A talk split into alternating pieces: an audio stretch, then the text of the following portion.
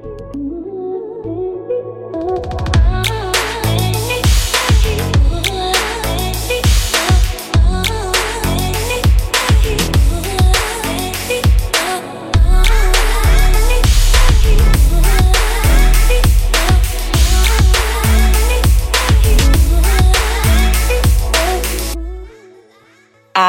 du klar for en aldri så liten, eller liten og liten, bonusepisode? Det er i hvert fall jeg. For tidligere i år så hadde jeg en veldig hyggelig og fin prat med en av de mest sprudlende og kule damene jeg veit om. Hun heter Julie og er grunnleggeren, eller the founder, av Mama Jules. Hva det er? Det er rett og slett stilige ammeklær du kan bruke før, under og etter et svangerskap. Og jeg har bl.a. sett Hadia Tajik i en stilig kjole derfra. Men hvem er egentlig Julie? Hun er mamma, det veit jeg. Hun har bein i nesa og er tøffere enn de fleste. Og hun har en eh, historie som nok er grunnen til at hun har blitt så tøff som det hun er. Hun har en fortid preget av rus, kaos og turbulens. Og hvis du lurer på hvorfor det har tatt en stund før du får lytte til praten som vi hadde, så er det fordi jeg vet at det krevde mye av Julie å dele det hun har gjort. Og nå er hun klar for det, og det håper jeg at du også er.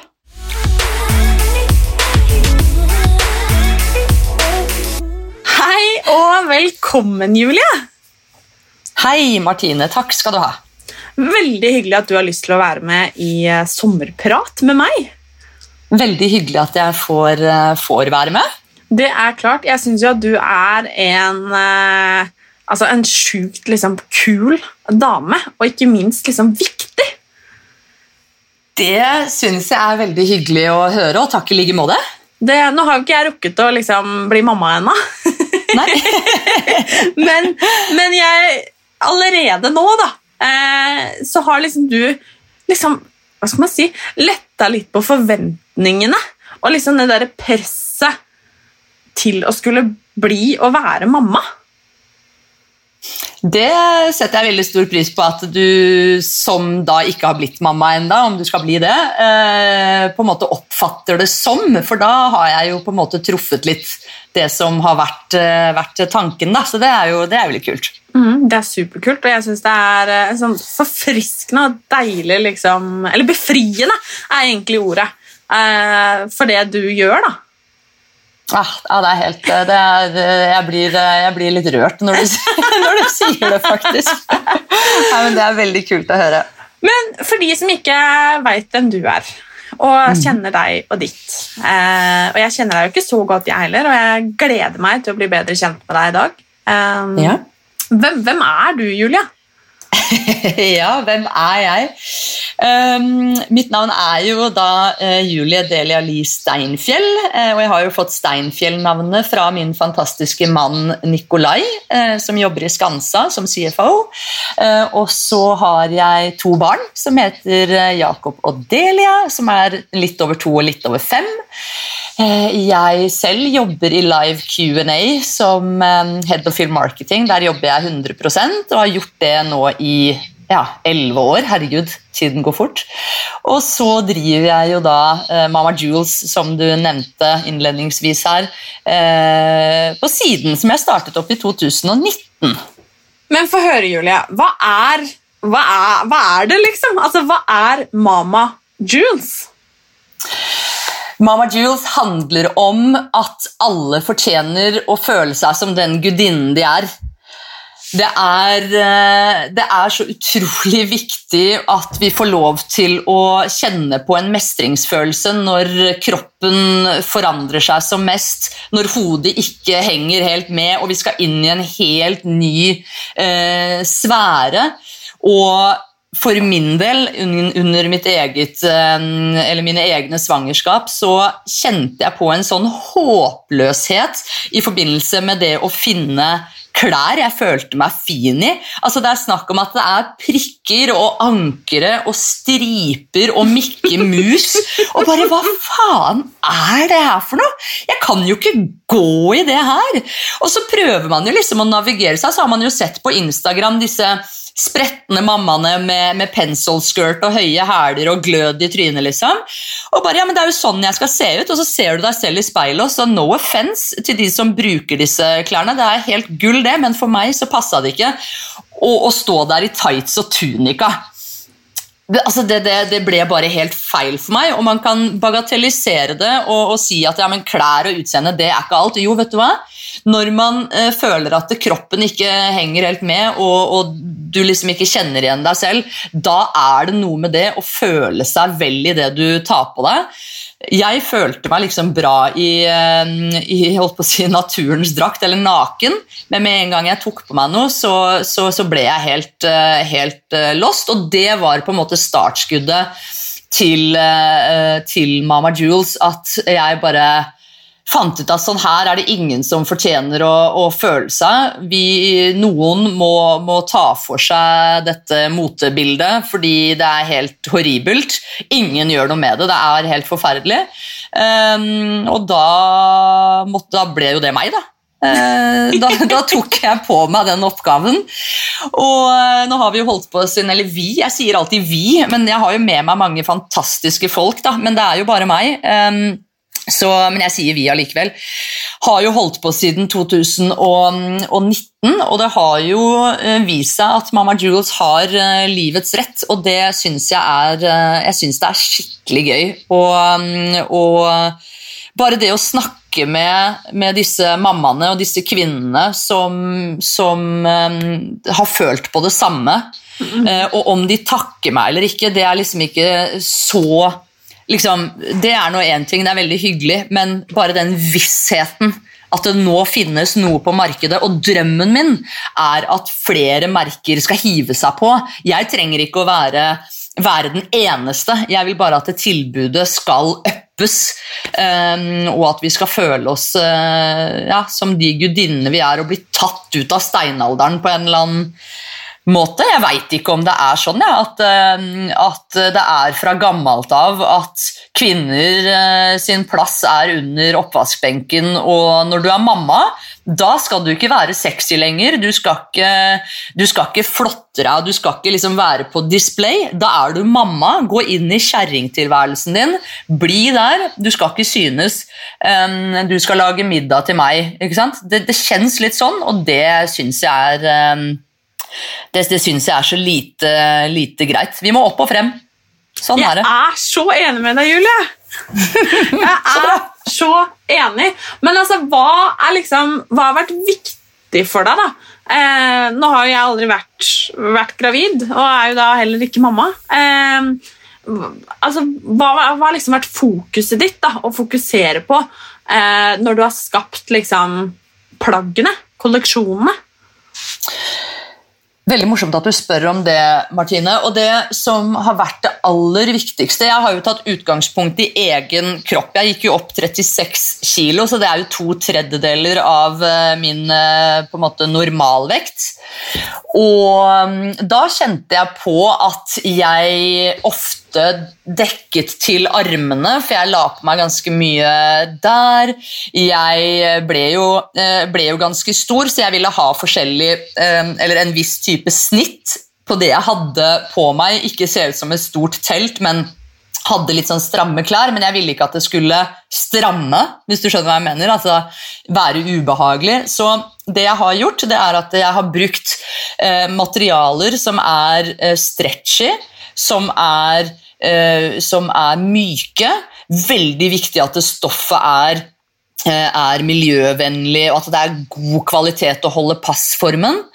Og så har jeg bygd toppen kroppen på en sånn måte at eh, jeg la jo også på meg veldig mye på overkroppen, og da med en bh-stropp, og så tyter det litt her og der. Og? Det er bare sånn at eh, ja, men da, da, gjorde jeg toppen litt større, sånn at man kunne få, mm, få, muligheten til å dekke det litt til. Litt lange armer, men ikke for lange, og så måtte jo også armene være litt stramme nederst, sånn at den funksjonen med glidelåsen, som jo er hele nøkkelen til plagget, hvor man har glidelåsene på på skuldrene, og de er jo skjulte, sånn at man kan bruke kjolen før, under og etter eh, et svangerskap. For det er jo også hele poenget at man eh, når man kjøper dyre, tidløse plagg som bare skal vare i, uh, i en viss periode, det, det, funker jo ikke. ikke sant? Du må jo kunne bruke det for resten av livet. Det er viktig. Uh, og så er det en topp under som gjør at du kan dekke deg litt til. Jeg jobbet jo veldig mye Eh, når jeg, eh, når jeg selv, eh, selv, var gravid og i barselperioden. Og når jeg da satt på kontoret, så det er, det er ikke nødvendigvis det at folk vil eller syns det er ubehagelig alltid, selv om man har jo de som er spesielle og synes at amming er det verste de har sett, som er jækla merkelig. Da får de bare Men, syns det, tenker jeg. Ja, vet du hva, er, Jeg snakket om det i går, og det er, eh, det er så hårreisende. Men det, det, er et annet tema. Um, men, men, hvor sant, blikket blir jo automatisk ned på brystpartiet og ammingen. Og jeg bare tenkte sånn her, fader, jeg har lyst til å dekke meg litt til uten at jeg sitter der med, eh, med et pledd. Ikke sant? Så da har jeg laget en sånn topp under, sånn at uh, man føler seg litt tildekket. Skjørtet er såpass langt at du kan ta det litt opp og ned. Ikke sant? Så det er um, mm. mange sånne Det er ikke tilfeldig hvordan jeg har designet uh, kjolene, da. Mm. Og da lurer jeg på Har dette handla på en måte mest om på en måte at det skal være funksjonabelt å være mamma, hvis du skjønner hva jeg mener? Eller skulle bli mamma? Eller har det på en måte handla mest om kroppen og skulle føle seg vel selv? Litt begge deler. Det det starta med, var jo at jeg ofte tok på meg de vanlige kjolene mine og endte opp med å måtte bli glidig ned i ryggen og gå inn på do og amme. Og det var jo gjerne i litt mer sånn ja, festlig lag, da, dåp eller bryllup eller sånne type ting som du fortsatt skal amme. Så tanken var jo å skape en eh, kjole som du kunne bruke eh, på fest. Det var den første, aller første tanken. Og så har det jo glidd litt mer over i funksjonelle plagg, som Basic-kolleksjonen, som tar for seg um, flere styles som T-skjorter, og nå kommer jo en, en uh, sommerkolleksjon med tights og T-skjortekjoler og alt mulig rart, så det har jo på en måte glidd litt mer inn i den funksjonelle delen. Men opprinnelig så starta det mer som en sånn 'vi skal være power-kvinnene' som ser så jævlig bra ut, eh, på en måte. Og da får jeg lyst til å spørre, har du alltid vært så rå og så selvsikker som det du på en måte fremstår? Jeg tror kanskje jeg alltid Ja, jeg har alltid vært en som stikker meg frem.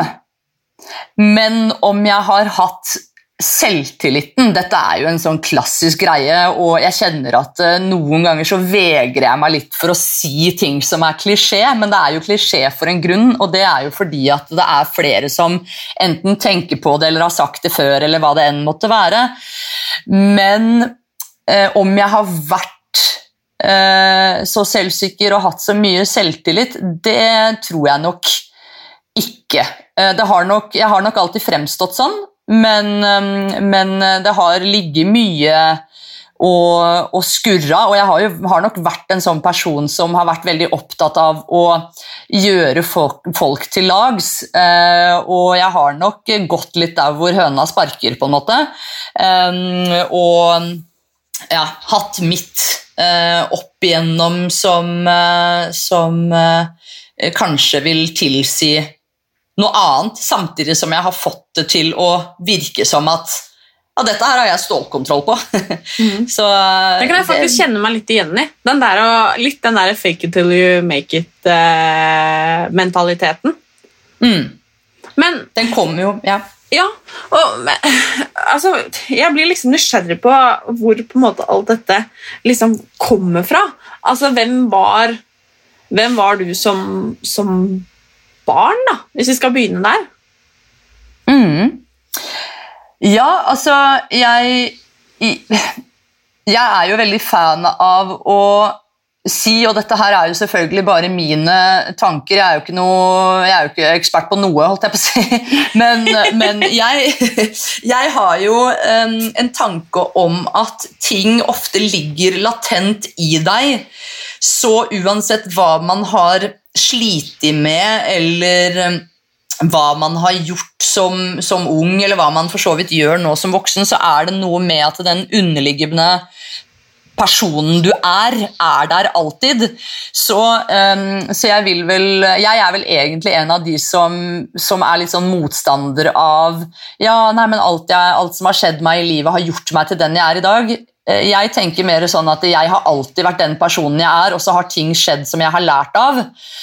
Um, det har ikke nødvendigvis uh, forma meg, fordi at jeg tror at hadde det forma meg ordentlig, så kunne det gått skikkelig gærent. Um, og det jeg mener med det, er at når jeg ser tilbake på barndommen og ungdomstiden spesielt, så, så er det jeg, altså jeg husker svært lite, eh, egentlig, men ting skjer jo så Um, jeg veit ikke. Det er vel egentlig en sånn ting som jeg burde uh, Eller som jeg har tenkt at jeg skal um, begi meg litt uh, ut på. Uh, og, og, og, dykke litt ned i. Men jeg tror det er Faren min døde da jeg var tolv, i en motorsykkelulykke. Jeg er ganske sikker på at det var et selvmord, for han var, veldig, han var veldig dyktig. Um, på, på, motoriserte kjøretøy, så jeg har vanskeligheter for å tro at det var en ulykke, i tillegg til at han um, uh, slet litt med, med narkotika og, og, da også mest sannsynlig mental helse, vil jeg tro. Det henger veldig ofte mm. sammen. Har du trodd det hele tiden? Nei, jeg har ikke. Det, det har kommet i det har kommet i senere tid. Ikke at jeg har gravd så mye. Jeg prøver Jeg er også litt sånn opptatt av, for jeg opplever ofte at, at når man begynner å grave i fortiden sin, så Og det er greit nok, man kan godt gjøre det, men, men så blir det også gjenstand for å unnskylde mye av det som skjer eh, nå. Og det er ikke jeg noe fan av. Jeg tenker, tenker, mer på det sånn at det har skjedd. Mye av det, altså Alt får jeg ikke, jeg får ikke gjort noe med det. Um, mye av det kunne jeg ikke ha gjort noe med da heller. Så hva skal jeg gjøre med det? Jeg kan ikke sitte her og synes synd på meg sjøl nå og, og, og, la livet bare fare forbi. Da må jeg gjøre sånn og sånn og sånn.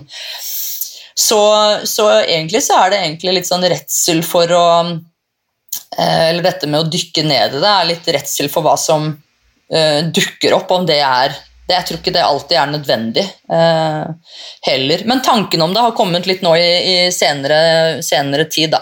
Mm. Hvordan er det, eller var det, å være tolv år og miste, miste faren sin? Det var Veldig spesielt, selvfølgelig. Jeg, jeg husker det uh, som det skulle vært i går. Jeg var hos en, en venninne av meg, en god venninne, som, uh, som, jeg alltid hang sammen med. Jeg bodde i sånn, uh, sånn klassisk sånn blokkesamfunn. Og, og, jeg hadde nettopp fått en sånn svær Faen, nå, nå, er jeg gammel, Martine. En sånn svær Motorola eh, mobiltelefon med antenne, altså murstein. Det er jo det man kaller det, ikke sant? Ja, imponerende. Eh, For du er jo bare 33, liksom. Jeg er jo bare 33. Det glemte jeg å si i stad, ja. men eh, jeg, jeg, er jo bare 33. Det er jo ingen alder. Det er ikke det. Eh, Men eh, så satt jeg hos, eh, hos hun venninnen min, da, og, og der var også hennes eldre søster og bror, som jeg så veldig opp til. Veldig mange av mine venninner og venner fra barndommen hadde eldre brødre og søstre, og det, de så man jo opp til. Og så begynte telefonen min å ringe, og så turte jeg ikke å ta den opp. For jeg tenkte nei, fader, jeg kan ikke vise det der drog av en mobiltelefon. Jeg nekter. Den får bare ligge i veska. Og så ringte den en gang til. Og så ringte den en gang til, og da husker jeg at jeg tar opp telefonen, ser at det er mamma, og så ser jeg på venninna mi, og så sier jeg nå har enten pappaen til mamma dødd, eller pappaen min dødd. Og så sier eh, mamma, eh, eller eh, tar jeg telefonen, sier mamma du må komme ut med en eneste gang. Og så gjør jeg det, tar jeg jo på meg eh, klærne, går ut døra, og så ser jeg at det er tante som kjører, og at mamma står i på en måte passasjerdøra. Eh, og da slår det meg at dette her er ikke normalt i det hele tatt. Eh, og mamma var jo ikke noe hysterisk, eller noe sånt. Hun, var, hun tok det ganske med ro når hun ringte. Og så går jeg ut, og så får jeg en kjempeklem, og eh, det var veldig rart, for jeg visste jo ikke hva som hadde skjedd, så det var jo liksom eh, veldig rart, da. Så setter jeg meg inn i bilen og blir fortalt at eh, ja, pappa, pappa er død.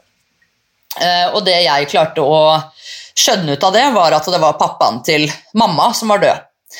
Så jeg tenkte jo det hele veien ned til besteforeldrene mine, altså da eh, moren og faren til pappa, og jeg skjønte ikke helt hvorfor vi skulle dit.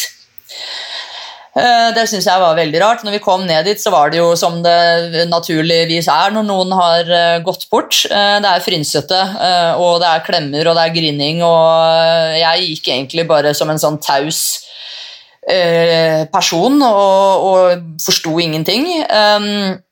Og så skulle vi jo eh, Og tidsperspektivet har jeg ikke helt her, eh, egentlig. Det, bare, det kjennes ut som at alt har gått veldig sånn rett etter hverandre. Det har det jo selvfølgelig ikke. Men eh, så skulle vi sette oss i, i eh, bilen og dra på likskue. og da, og det var i Sverige han hadde, han hadde kjørt ut. Altså først så drar vi og ser der hvor han hadde kjørt ut, og jeg husker at jeg sto der og bare Nei, det her, eh, dette her kjennes ikke riktig i det hele tatt, for det var altfor slakk sving. Eh, og det var vel kanskje da den tanken om at det var et selvmord ble skapt, uten at jeg på en måte skjønte det helt selv. da. Um, og så gikk jeg og plukka opp sånne, sånne motorsykkelhjelmbiter eh, som lå rundt der, for det, det følte jeg at det var viktig at jeg måtte ha med meg det. Og så um, Eh, huh, um, og så dro vi til, eh, til eh, da, dette likskuet, og da husker jeg det ble veldig diskutert om, om jeg skulle få lov til å se pappa uh, eller ikke. Ville du det? Uh, jeg husker ikke. Uh, alt skjedde på en eller annen måte fort. Jeg forsto det jo fortsatt ikke at det var pappa vi skulle se. Så jeg tror det bare lå um, altså Det er vel en sånn klassisk uh, om, om, det lå i bakhodet mitt uh, at jeg skjønte det, eller om det var en sånn denial-greie, vet ikke. Men det var ikke før vi satt innpå det uh, kontoret og fikk eiendelene til pappa, da begynte jeg å skjønne at da så jeg mobiltelefonen hans. Han hadde en sånn bitte liten Eriksson som jeg hadde ønska meg lenge. Og, og, da begynte det å gå opp for meg at bare, faen, det er, det er pappa, ja. Ok. greit, så da jeg, begynte jeg liksom å gjøre en prosess på det da, tror jeg. Og så um, og så skulle vi da inn og se, da. Um, og, og da husker jeg det var masse Eh, masse, masse, masse altså sånn ekstreme mengder med stearinlys eh, som var eh, tent, eh, og, og, pappa lå der, og det var helt frem til Og det var helt frem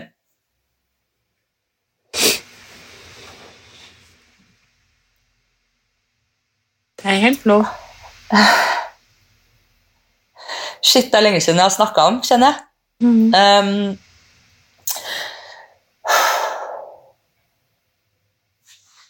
Og det var helt frem til jeg på en måte så um, ansiktet hans, eller liksom hodet hans, at um, Eller det var da jeg skjønte sånn ordentlig at ok, det, dette har skjedd. Um, og så um, var, altså, var, han jo uh, kald og, og, på en måte oppblåst og ikke til, uh, til, stede. Og jeg klarte vel egentlig ikke å reagere helt enda.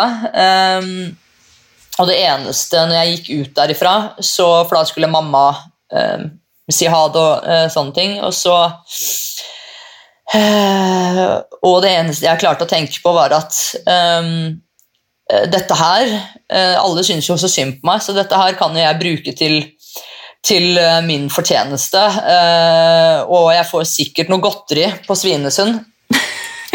Så jeg vet ikke om det var en forsvarsmekanisme, eller, eh, men det var i hvert fall det jeg tenkte på. At, at dette her skal jeg, skal jeg, utnytte. Og det er med det i tankene så, så tenker jeg bare på eh, barn generelt, eh, og hvordan voksne håndterer sånne situasjoner som dette her, fordi jeg tror barn ofte er litt irrasjonelle. Eh, eller det er de jo. Og, mm, og ja, opplever sånne alvorlige ting eh, på sin, sin, måte, og det må man på en måte bare ta. Mm. Eh, og så stoppet vi jo da innom, innom Svinesund da jeg fikk sånne ufoer som med sånn pulver inni, husker jeg. En hel sånn, jeg vet ikke, De veier jo ikke så mye, men det kjentes ut som en kilo med sånne. Uh, og så skulle jeg um, gå til bilen og hente noe, og da begynte jeg å hylgrine. Og så gikk jeg rett i bakken. Um, så det var vel egentlig da det uh, gikk opp for meg. Uh, og etter det så husker jeg ikke så veldig mye, men jeg husker, husker det at det liksom bare um, svartna helt for meg, og jeg tror og mener å huske at jeg var ganske utrøstelig eh, ganske, ganske, lenge. Men det husker jeg ikke, det er bare en antakelse. Eh, mm. Sånn så jeg har ikke snakket så mye om det i, i, i etterkant eh, heller. Så Hvordan forhold hadde du, hadde du til, til faren din? Litt sånn ambivalent. Altså, jeg hadde et veldig godt forhold til han da jeg var mindre. Ekstremt pappajente. Eh, og, og var veldig opptatt av han. Et år før han døde, så, eh, så separerte mamma og pappa seg, eh, for han fant en annen i, ja, i et område som ikke er så veldig bra. Han, han slet jo med, med, forskjellige ting og valgte på en måte å gå den veien. Så den siste tiden var jo egentlig ikke så veldig lett. Jeg, eh, jeg savna jo pappa, og pappa skulle komme, og jeg satt altså Det er sånn, det er så filmmoment, uh, den triste delen av filmen hvor du ser et barn sitte på trappa og vente på pappaen sin som ikke kommer. Altså, uh, det skjedde jo nærmest hver gang. og Mamma måtte forklare så godt hun klarte, stakkars, og sinnet mitt gikk utover henne. Og de gangene vi De gangene vi møttes, så, så hadde vi det jo hadde vi det jo fint, og han fikk seg jo eh, ny kjæreste, og det, det gikk veldig fint. Det gikk jo på en måte mest utover mamma.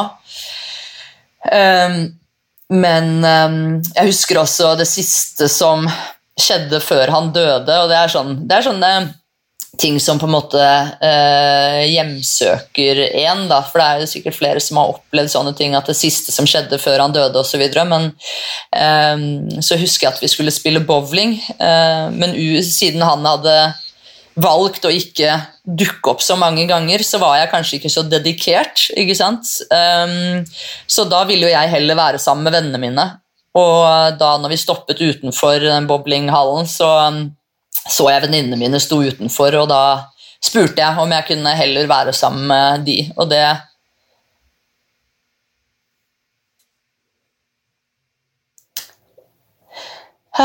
Og det ble um, siste gangen jeg så han. Mm. Kan jeg spørre hvordan forhold For du nevnte jo at det var litt rus og sånn.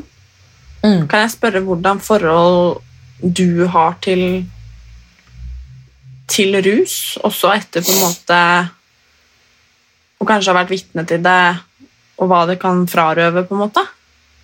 Mm. Um, ja. Uh, fra jeg var Eller når jeg var liten, dette har jeg jo hørt i etterkant, eller når jeg, har, når jeg er voksen, um, så ble jeg jo kalt litt sånn på folkemunne eh, kjøpesenterungen, fordi eh, det, vi hang eh, veldig mye på, uh, på en sånn pub. Det var kanskje, jeg vet ikke jeg, Dette er jo mitt liv, selvfølgelig, så jeg kan jo si at det var kanskje mer vanlig før. Men, uh, men det var i hvert fall vanlig for, for meg å henge på um, på Tårnåsen-senteret. Jeg er jo fra Tårnåsen. Og spille på spilleautomater, og liksom man stakk alltid innom der etter man hadde vært og handla middag og røyka inne og alkohol, og det var liksom eh, litt sånn mer fri, fri flyt. Um, og jeg tror også at det er Dette skal jeg ikke si med sikkerhet, men jeg har en følelse av at ting kanskje har skjedd i livet mitt uh, når jeg var ung, som det er en mening at jeg ikke skal huske, eh, og, og, som jeg på en måte ikke har noe behov for å grave i, altså forskjellige eh, episoder og, eh, og sånne type ting, som jo selvfølgelig bare blir en hypotese fra min side. Men, men det var i hvert fall hverdagen jeg var ung, og, og, jeg visste jo ikke nødvendigvis i klartekst at uh, dette var noe som skjedde når jeg var liten. Og jeg har hatt en, en fin oppvekst og uh, hatt en god familie uh, rundt meg. Så det, så det, kunne nok kanskje gått veldig mye dårligere, som det jo ofte gjør når ting ikke er helt tilrettelagt. Um, men uh, jeg fortalte jo litt om det i stad i forbindelse med dette området som pappa flytta til. Um, og det som skjedde når jeg var 17 år var jo at mamma hadde på en måte starta litt på nytt igjen etter at pappa døde, og jeg har jo en eh, stebror, så jeg følte at de bygde på en måte en ny familie og, og starta litt på nytt igjen, og at det ikke var plass til meg. Det var det nok, men jeg følte det ikke sånn, og valgte å flytte til det samme området som pappa bodde i. Eh, og det var jo kanskje litt uh, uheldig, for det er eh, hva skal man kalle det? Eh, et litt sånn berykta område i forhold til rus. da. Eh, og, og, det var jo ikke, Jeg drev jo ikke med noe rus da, så det var ikke derfor, det var ikke derfor jeg flytta dit. Men var det et bevisst valg, liksom? At du, du ville dit? Nei, nei, det var han jeg skulle flytte sammen med. Faren hans jobbet som vaktmester der, eh, og vi fikk tilbud om å mm, flytte inn i en ganske rimelig leilighet. Så jeg mm. visste egentlig ikke hva slags område det var, sånn sett, eh, og hadde egentlig ikke gjort meg opp noen tanker når jeg, var, når jeg besøkte pappa, f.eks., så så jo ikke jeg det, ikke sant? for det ble jeg jo selvfølgelig skånet for. Eh, pappa var jo ikke dum, på en måte. Han var jo en flink pappa sånn sett, men, um, men dit kom jeg meg nå, i hvert fall. Og, uh, og etter et par uh, uker så ble jeg jo mer og mer introdusert for den um, tilværelsen, og jeg har jo hatt um, Eh, jeg har jo hatt mitt, mine møter med, eh, med hasj og sånt fra før av, selv om jeg ikke har vært så veldig fan av det. Jeg har vært den typen som alltid har hatt i bakhodet at dette her er ikke noe for deg. Så når alle eh, de tøffe ungdommene sto og, og røyka seg superfjerne, så tok jeg gjerne et par trekk og lata som at jeg ble like fjern. Jeg har alltid vært litt sånn påpasselig og, og, alltid hatt det i bakhodet. Um, men så flytta jeg uh, hit, og da gikk det, da gikk det skikkelig gærent. Um, da, da, begynte jeg å, begynte jeg å ruse meg, og Med hva? Og alt um, Nei, med alt mulig rart. Altså, det er jo På det tidspunktet der så hadde jeg jo egentlig ikke noe kunnskap eh, om noe som helst, og det det gikk mest i, var jo amfetamin. Eh, det er jo noe av det billigste man kan få tak i, eh, selv om jeg ikke gikk ikke og kjøpte det selv. Men alle var veldig behjelpelige eh, med at det kunne man bare få. Og, og da var du 17 år? 17 år, ja. Mm. Var, det var fra jeg var 17 til jeg var 18. Og og jeg husker at øh, jeg ble De visste jo øh, De visste jo hvem pappa var. Så på en eller annen øh, absurd måte så ble jeg jo tatt hånd om.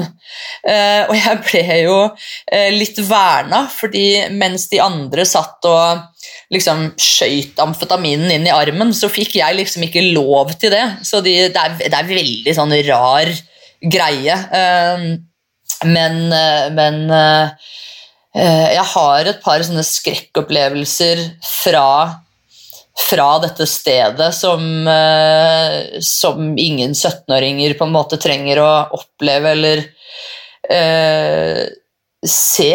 Og, og, mm, jeg kan jo fortelle om, om uh, noen av de. Mm.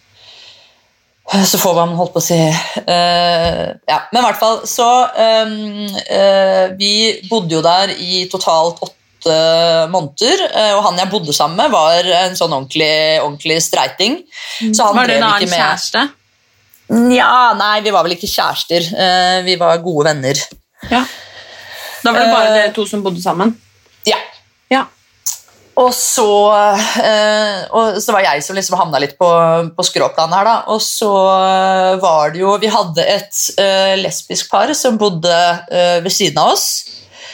og så hadde vi en dopdealer som bodde over oss. Og så var det jo alle de andre som bodde rundt. og jeg husker at hun ene eh, som bodde ved siden av oss, hun ble veldig forelska i meg. Så du kan jo tenke deg at det ble jo, eh, det ble jo skikkelig drama. Eh, og de drev jo med, eh, med mye rart. Eh, og om det var rottegift i den amfetaminen altså det, det, det, var, det var så skittent og jævlig.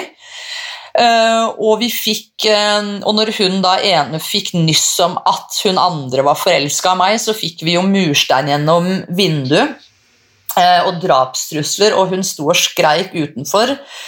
Og så husker jeg at jeg gikk ut, og da hadde det kommet en sykebil. og da titta jeg inn hos dem, da, hos, ved siden av oss, og da lå hun og skreik at, uh, at, jeg skulle dra til helvete, og at jeg, jeg, skulle dø. Det skulle jeg bare være helt uh, trygg på. Og hun hadde skåret seg opp over hele kroppen, uh, og det var blod overalt.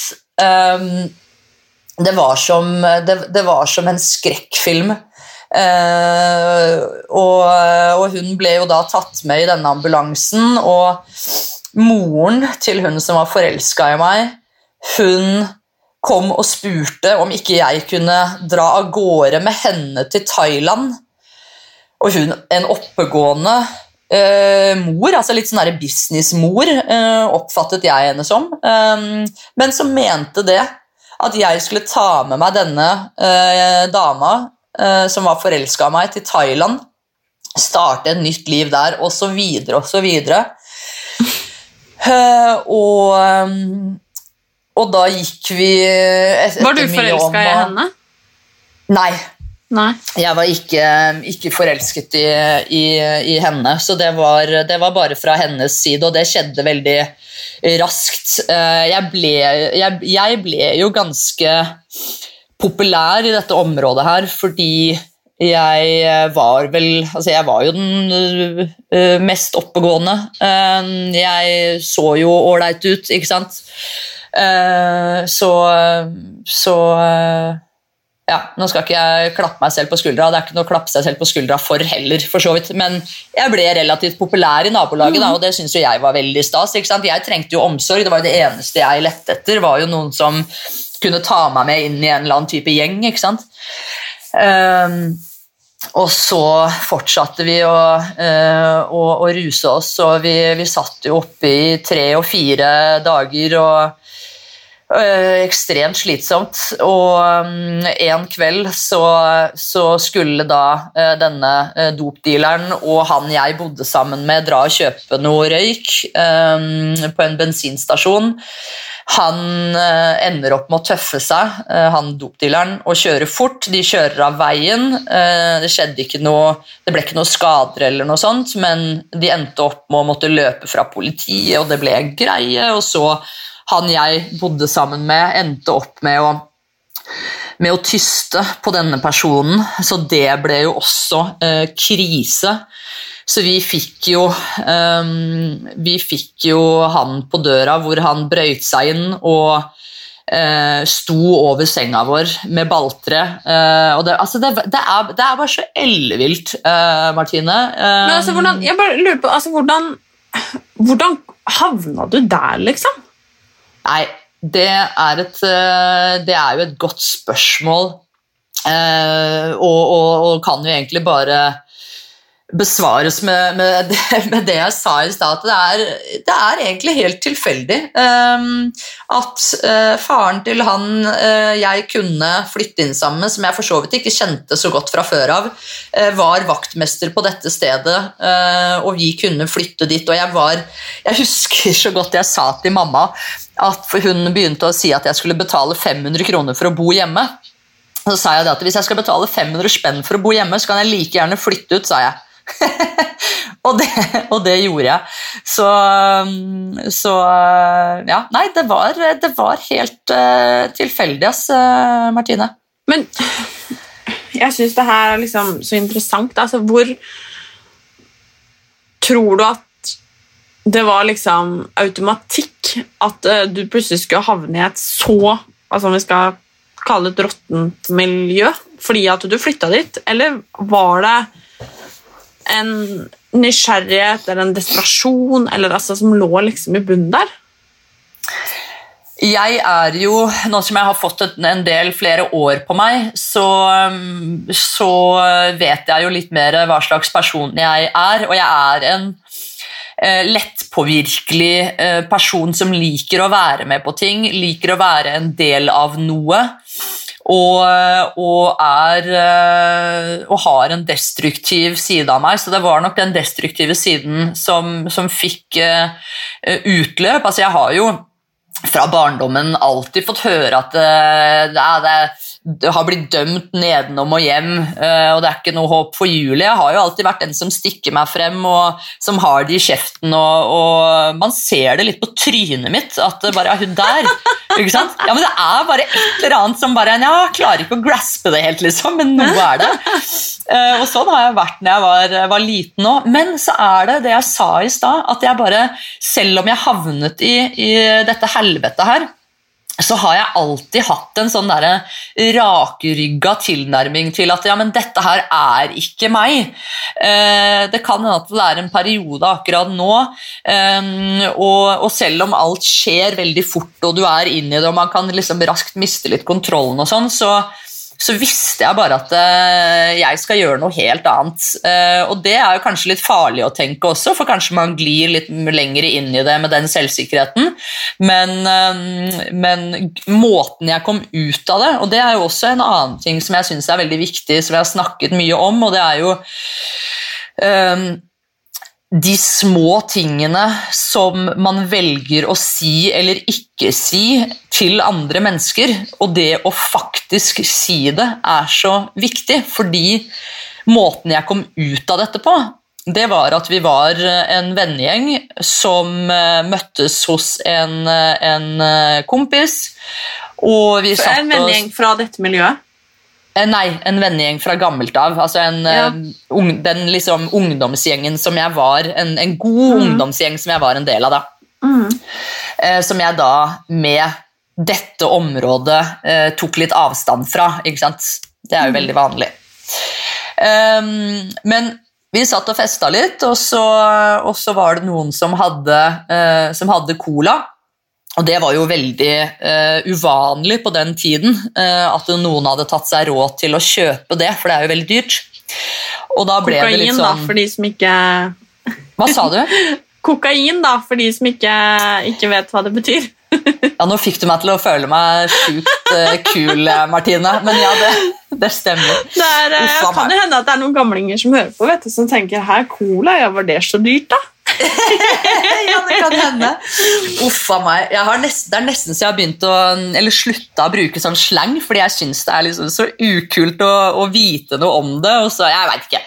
Men, eh, men i hvert fall så, eh, så eh, sitter vi der, og da ble det litt sånn der Å, men kan ikke vi være så snill å få eh, Og det ble litt sånn krangling om det. Eh, og da var det en som en, en venn av meg, men som jeg ikke nødvendigvis har snakket så mye med, eller liksom hatt så veldig mye med å gjøre, som bare ser meg rett inn i øynene, eh, og så sier han Julie, hva er det du driver med? Hvorfor gjør du dette her? Og siden den dag så, så slutta jeg. Mener du det? Mm. Hvorfor det? Det var, eh, det var bare noe med at det var han, kanskje, eh, og at han sa det sånn, og at eh, det var et perfekt tidspunkt. Jeg veit da faen, men det var i hvert fall noe som, som Det var noe med akkurat den situasjonen som fikk meg til å gå inn i meg selv, og da hadde jeg jo Altså, jeg har jo opplevd å å bli eh, eh, blind i fem minutter. Um, ikke sant? Det er jo ikke eh, Det er jo ikke Det var jo på en måte ikke bra. Eh, så, så det var vel på en måte akkurat noe med det tidspunktet som passa veldig bra, og som traff meg. Eh, og da, Nå skal ikke jeg påberope meg at jeg aldri har gjort noe i etterkant, men, eh, men jeg slutta i hvert fall eh, med det kjøret som jeg, som jeg gjorde, gjorde da, på grunn av han. Og det har jeg sagt takk til han for mm, mange mange ganger, for det mener jeg. Hadde det ikke vært for han, så Og bare det lille Han mente det altså han mente jo ikke at jeg skulle slutte, for, altså det var liksom bare et spørsmål. Men det at han gadd å stille det spørsmålet eh, uten å tenke over det, det ja, gjorde alt for meg, da. Og hva skjedde så? Hvordan i alle dager har du kommet deg til å sitte der, eh, der du gjør i dag? ja, for å, for å et, stille et lite spørsmål, holdt jeg på å si. Um, nei, altså da flytta vi jo fra dette området ganske umiddelbart. Og eh, fant oss et nytt sted å bo. Og så eh, fant jeg ut at For jeg hadde jo mista jobben nå, for jeg begynte jo å stjele der. Eh, ikke fordi jeg skulle ha penger til dop, for det fikk jeg, men fordi at man bare jeg, jeg vet ikke, Det var en destruktiv fase hvor jeg gjorde mye dritt.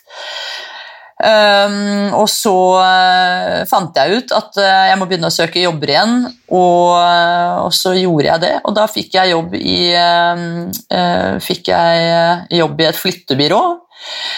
Og så Nei, beklager. Flyttebyrå Nå tulla jeg. Jeg fikk jobb Det er mye DNA. historie her, så det er ikke så rart at CV-en ikke sitter i huet.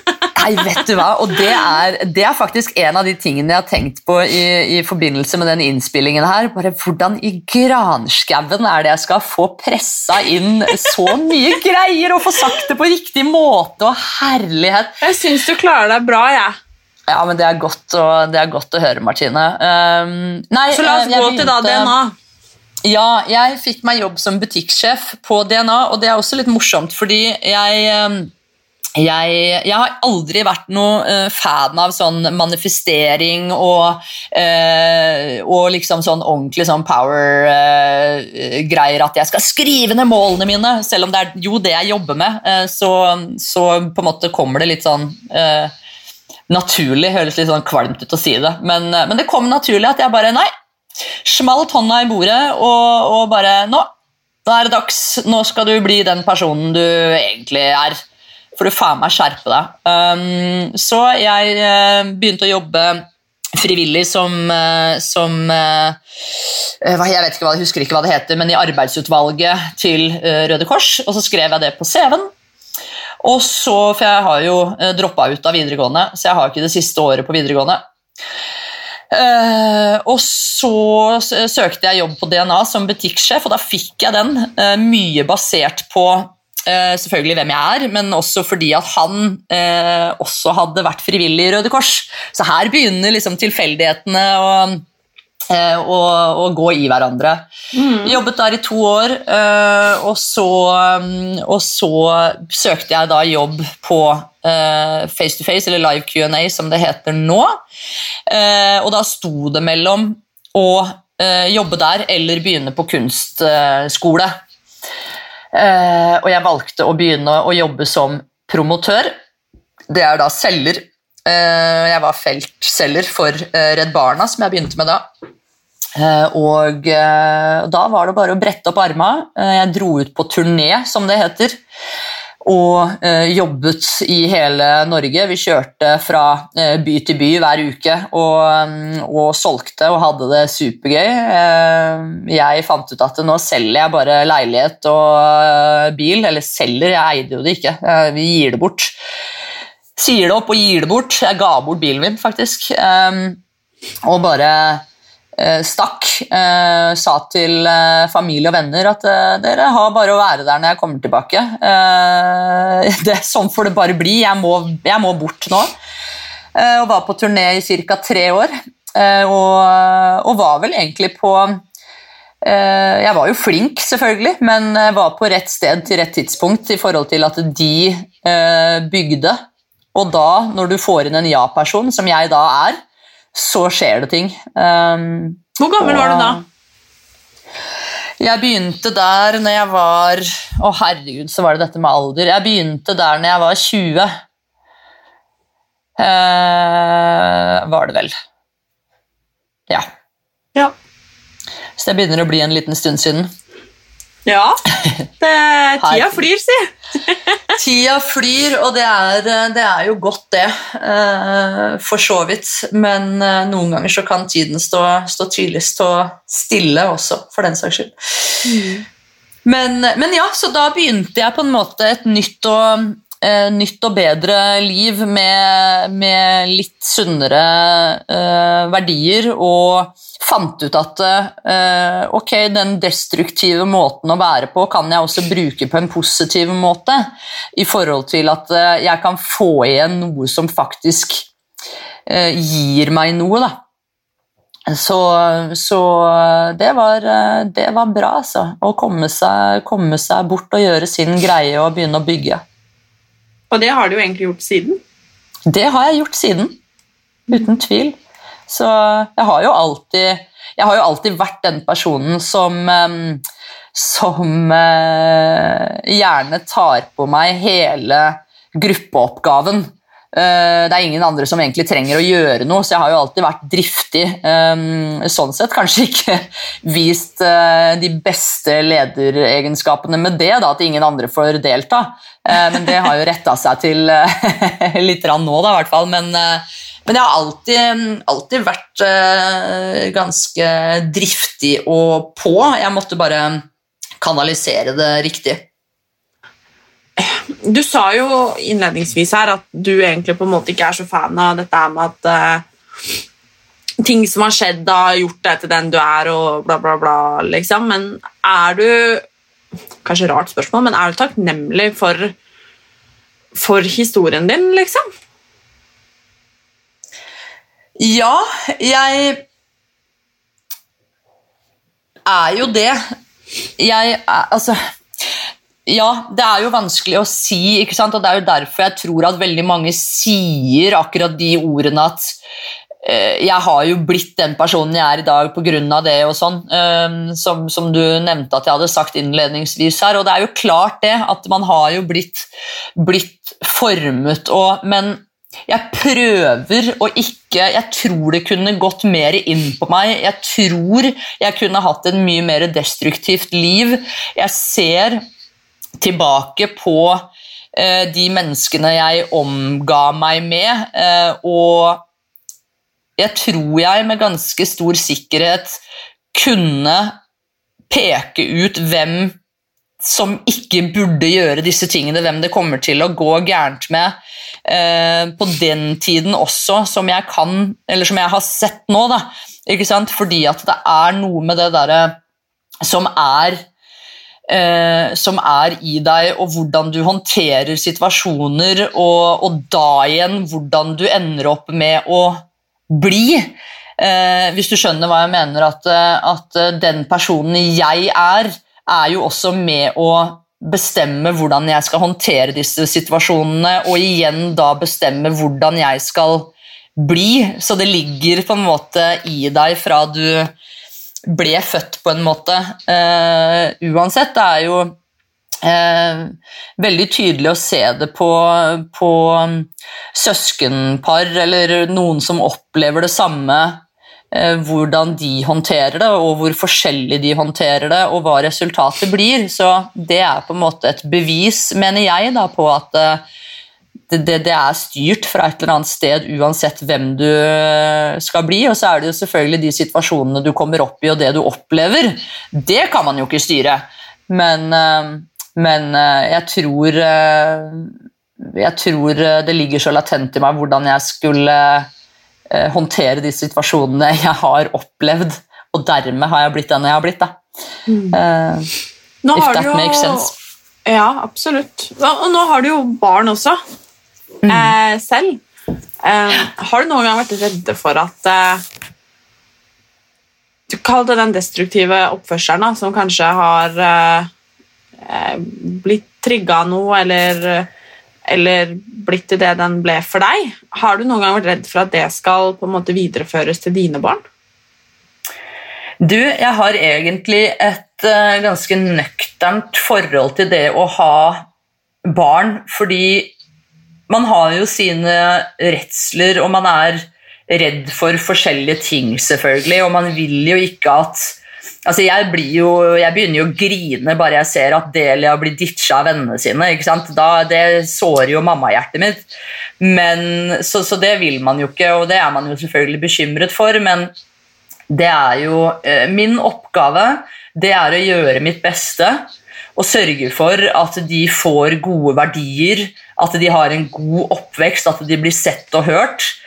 Og at når de da skal ut på egen hånd, eh, eller når de skal ta valg, eller når de skal ta At de skjønner at ting har en konsekvens osv. At jeg har gjort en såpass god jobb at det går bra. Det, det er sånn jeg ser på det, fordi um, alt det som jeg har gått igjennom uh, og, og, og, opplevd og, og sett, det går bra med meg nå. Så man kommer, man kommer, igjennom veldig mye, og jeg skal bare sørge for at barna mine er såpass sterke at de, hvis det skjer, hvis de kommer opp i lignende situasjoner, at de klarer å håndtere det og komme seg gjennom det på, på sin måte. Da. Det er oppgaven. Så lurer jeg også på om du har noen råd eh, til f.eks. meg eller noen andre som lytter, eh, som kanskje står i noe tøft, eh, eller som har en drøm, eller som liksom kanskje kan kjenne seg igjen i din historie. Altså, hva Har du et råd?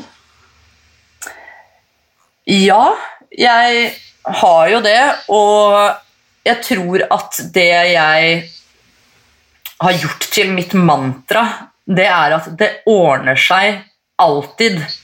Du kommer deg gjennom det uansett hva som skjer, så kommer du deg gjennom det.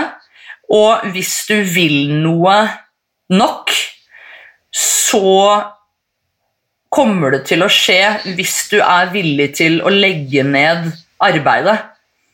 Fordi du kan ikke tenke at eh, å, dette har jeg lyst til, jeg har lyst til å lære å spille saksofon. Hvis du ikke er villig til å bruke de timene det tar å lære seg å spille saksofon, så kommer du da aldri til å lære det heller. Så enkelt er det. Hvis du har lyst til å, lage eh, eller skape noe eller eh, ja, hva det enn måtte være, så, så, må du være villig til å bli litt hekta, fordi, fordi det krever, eh, det krever, en del av det. Men hvis du er det, så må du bare kjøre på og vite at du lærer mens du går, og, og, du kan spørre om alt. Du kan få hjelp til alt hvis du bare tør å spørre. Eh, men, men sånn eh, helt overordnet Det ordner seg alltid. Alltid ordner det seg. Wow!